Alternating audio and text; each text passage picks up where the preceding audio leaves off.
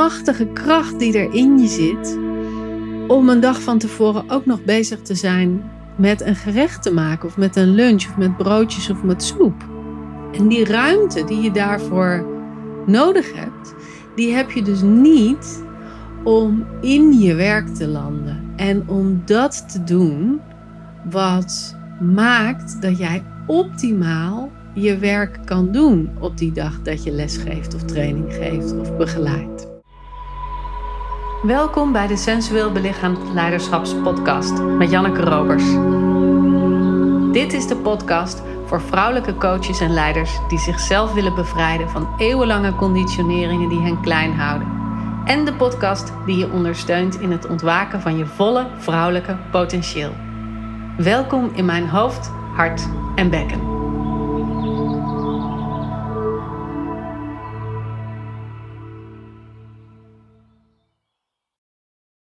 De afgelopen weken had ik allerlei één op één gesprekken met deelnemers van Voluit Vrouw zijn. Over wat ze wilden, wat ze verlangen, hoe ik ze best kon bijstaan daarin en hoe het komende jaar er wellicht uit gaat zien.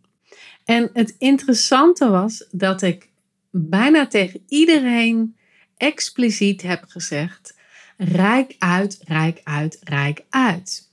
En natuurlijk, ik heb al eerder afleveringen gemaakt over uitreiken. En bijvoorbeeld aflevering 26, waarom uitreiken een transformatieversneller is. En ook in aflevering 29 heb ik het over waarom je de ander nodig hebt als je getriggerd bent. En ik zeg het dus regelmatig tegen mijn deelnemers, omdat ik weet dat dit echt een lastig punt is. We zijn niet zo opgevoed of getraind om uit te reiken. We zijn eerder getraind om het allemaal zelf te kunnen.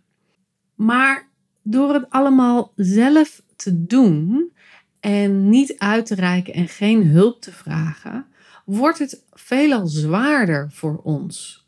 We kunnen namelijk niet alles op het beste. We kunnen een aantal dingen heel erg goed en we kunnen andere dingen veel minder goed.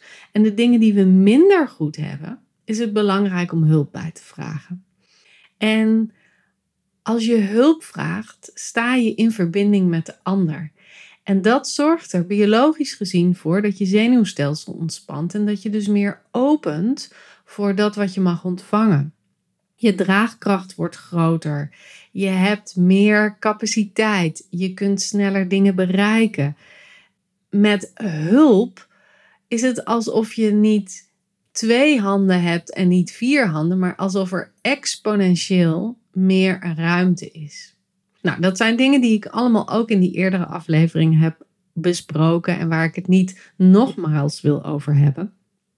Maar waar ik het deze aflevering over wil hebben, is hulp vragen voor begeleiders. En hoe doen wij begeleiders dat? Het bijzondere namelijk is dat hoe meer kennis je hebt op persoonlijke ontwikkeling, hoe verder je gegroeid bent in persoonlijke ontwikkeling, hoe meer je anderen bijstaat in persoonlijke ontwikkeling, hoe lastiger het soms wordt om toe te geven dat wij ook hulp nodig hebben. En zo zei mijn vroedvrouw tijdens uh, mijn bevalling van mijn dochter dat in achterstandswijken bevallingen soms veel gemakkelijker gaan, omdat daar veel minder kennis is van persoonlijke ontwikkeling. En dus het hoofd niet zo in die bevalling ertussen staat. Maar dat dat dus veel gemakkelijker gaat, omdat het een puur lichamelijke overgave is. En dat die zo ingewikkeld is op het moment dat we wel nadenken over dat we kennis hebben, wanneer er meer zicht is op hoe we doen, wat we doen. En dat we daar dus over gaan nadenken. En daar moet ik heel vaak aan denken, aan die uitspraak van mijn vroedvrouw. Op het moment dat ik met mijn hoofd ergens tussen zit. En dat ik er zelf niet uitkom. En dan denk ik, oh ja, oh ja, als ik nu niet deze kennis had, als ik nu niet wist wat er gaande was, wat zou ik dan doen? En soms komt mijn lijf dan in beweging, maar meestal denk ik, oh, dan heb ik hier nog geen zicht op. Dus dan heb ik iemand nodig om hulp aan te vragen, om hulp in te schakelen.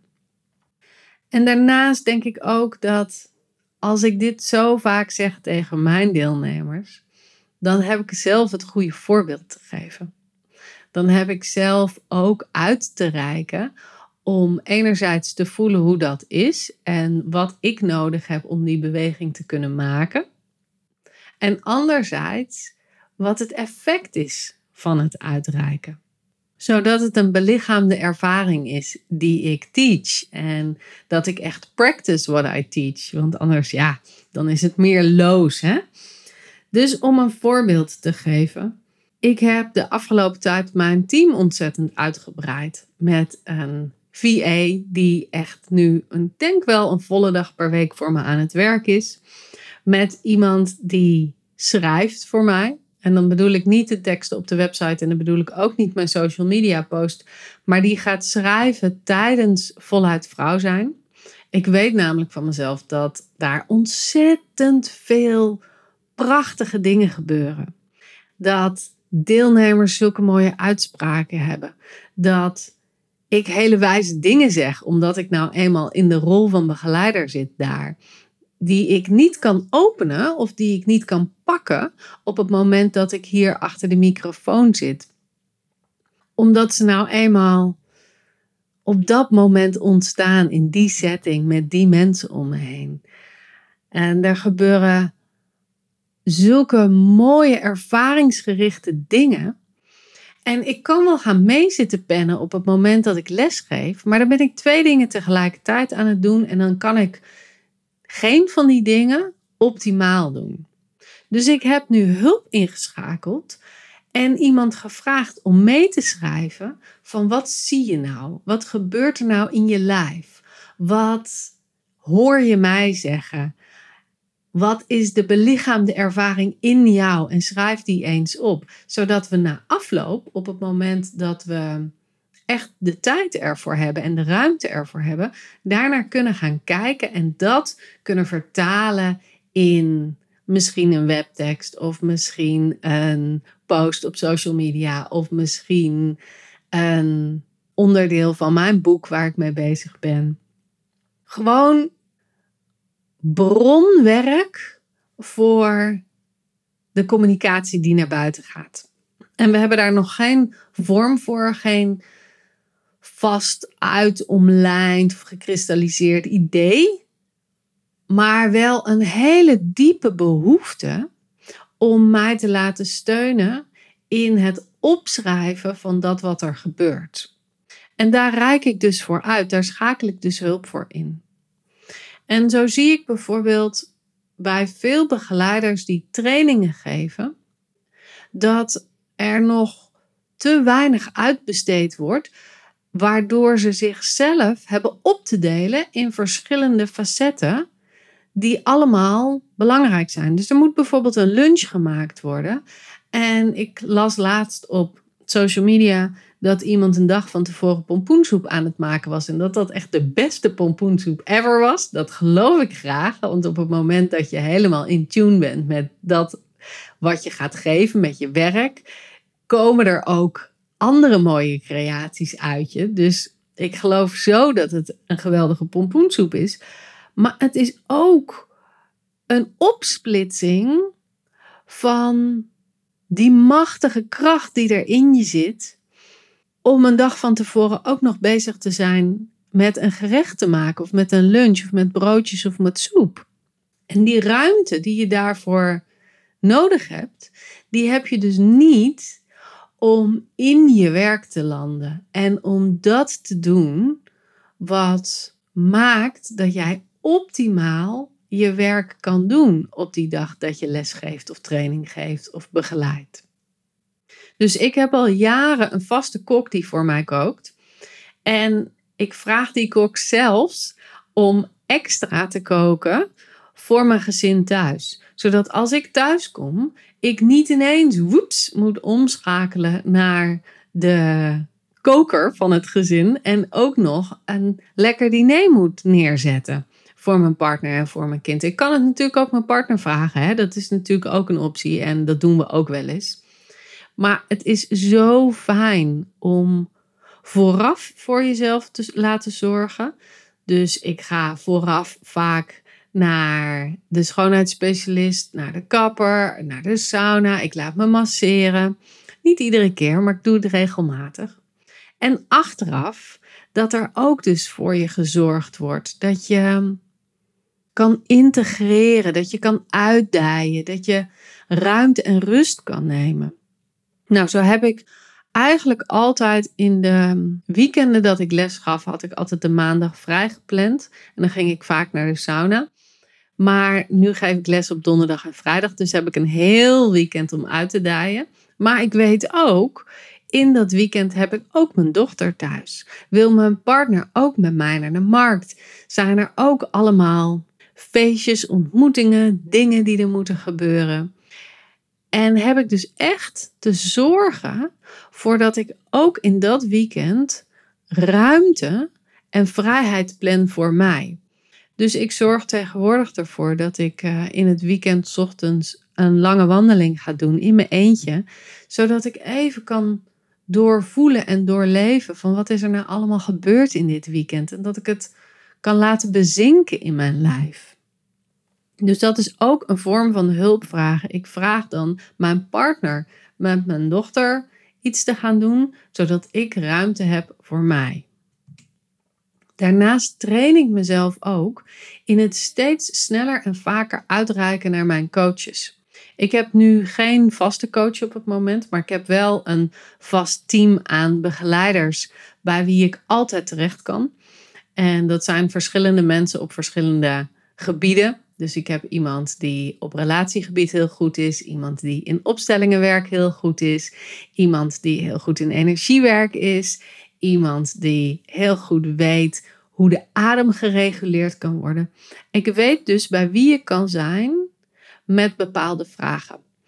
En als ik niet actief bezig ben met waar kan ik deze vraag stellen of bij wie kan ik hulp vragen, dan weet ik dat het zo een paar maanden duurt voordat ik uitreik.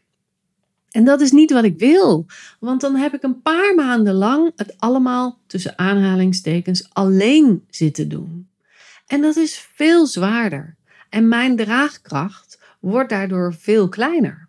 En ik heb al een, heel, een, een leven te dragen. Natuurlijk mijn eigen leven, net als dat iedereen zijn eigen leven heeft te dragen. En ik ben begeleider. Dus daarmee heb ik ook een brede schoot voor deelnemers die er een jaar lang bij mij zijn. En die heb ik ook te dragen. En daarvoor heb ik dus te zorgen dat mijn draagkracht groter is. En dat betekent dus dat ik mezelf actief moet, moet is altijd een gek woord, maar actief heb uit te reiken en te zorgen dat ik mezelf herinner aan dat ik uitreik. Want als ik, als ik mezelf niet herinner, dus als ik mezelf niet in mijn agenda, zo doe ik het, schrijf waar kun je uitreiken en waarop heb je hulp te vragen. Dat zijn de twee vragen die ik me wekelijks stel. Dan duurt het dus een paar maanden voordat ik dat doe en voordat de nood zo hoog is om het daadwerkelijk te gaan doen. Maar ik wil niet dat de nood zo hoog is. Ik wil dat het ontspannen gaat. Ik wil dat ik ver voor dat het me allemaal te veel wordt, al hulp inschakel. Dus daarom herinner ik mezelf aan waarop heb ik hulp te vragen en waar kan ik uitreiken. En dat is steeds ook onderwerp in de gesprekken die ik voer met mijn VA. Waar kunnen we nog meer hulp inschakelen? Zo zijn we nu aan het kijken of we een stagiair kunnen aannemen voor content creation. Omdat die prachtige plaatjes en die mooi geschreven quotes in plaatjes, dat is gewoon niet mijn expertise. Ik ben niet iemand die tot in de details verfijnt. Ik zie het overall plaatje. Ik ben een goeie met een adelaarsblik en ik kan goed zien van dit is waar het over gaat. Maar om iets te fine-tunen en de details neer te zetten, daar ben ik wat minder goed in. En op het moment dat ik dat durf te erkennen, op het moment dat ik dat toe kan geven aan mezelf, dan kan ik ook zien waar de winst te behalen is. En dan kan ik ook zien waar ik mezelf mag laten ondersteunen. En dat dat dus veel meer oplevert dan alleen die fysieke hulp op het maken van plaatjes. Het levert me dus ook een gevoel van rust en ruimte en een wat meer bredere zin op. Omdat dat aspect wat mij heel veel moeite kost, niet meer in mijn eerste blikveld zit, als, om het zo maar te zeggen. En nog een ander aspect waar ik mezelf aan trainen ben om hulp te vragen, is in ons gezin. Het is echt heel praktisch en het is heel klein. Maar we zijn aan het ontdekken dat we allebei heel ander soorten ouders zijn. Dat is natuurlijk iedereen. Iedereen komt uit een andere gezinssituatie, een andere gezinsopvoeding dan zijn partner. Dus je hebt nou eenmaal verschillende manieren waarop je dingen doet. En het is belangrijk om die te kunnen inzien. En als je die inziet, dat je ook dat wat de ander goed kan aan de ander laat. En dat wat jij goed kan, dat jij dat neemt. Maar dus ook dat je in dat kruisstuk hulp vraagt. Dus om een heel simpel voorbeeld te noemen. Vanochtend stond ik in de keuken en normaal gesproken maakt mijn man pap voor mijn dochter. En ik had het gemaakt, want zij waren nog even boven. En de pap stond aan te branden. En mijn man komt beneden. En mijn eerste reactie was dat ik tegen hem zei: De pap staat aan te branden. Een soort van as a matter of fact. In plaats van dat ik vraag: Hey, kan jij even door de pap roeren en hem even wat zachter zetten, want hij is aan het aanbranden. Ik vraag geen hulp, nee, ik maak een statement. Waar niemand natuurlijk iets mee kan. En dat is gewoon echt heel onhandig.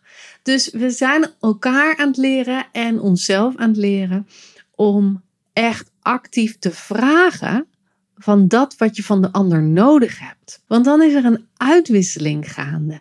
En dan kan de ander ook steun bieden. En het is zo vervullend om iemand anders te kunnen helpen.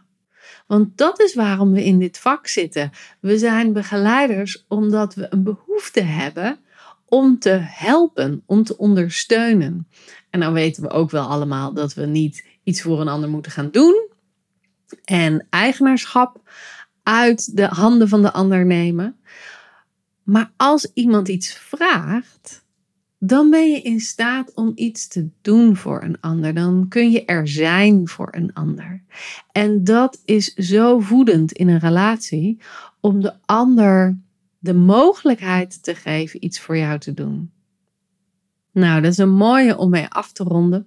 En ik wil je achterlaten met de vraag: waar kan jij uitreiken en waarop heb je hulp in te schakelen? Laat die twee vragen eens door je heen gaan en kijk dan eens wat er voor je opent en welke mogelijkheden er voor jou zijn om je nog meer te laten steunen, zodat jij meer draagkracht hebt voor dat wat je hebt te doen of te zijn of te uiten in jouw werk, in je relatie of in je leven. Ik wens je een heerlijke dag en ik zie je graag bij de volgende aflevering. Doei doei!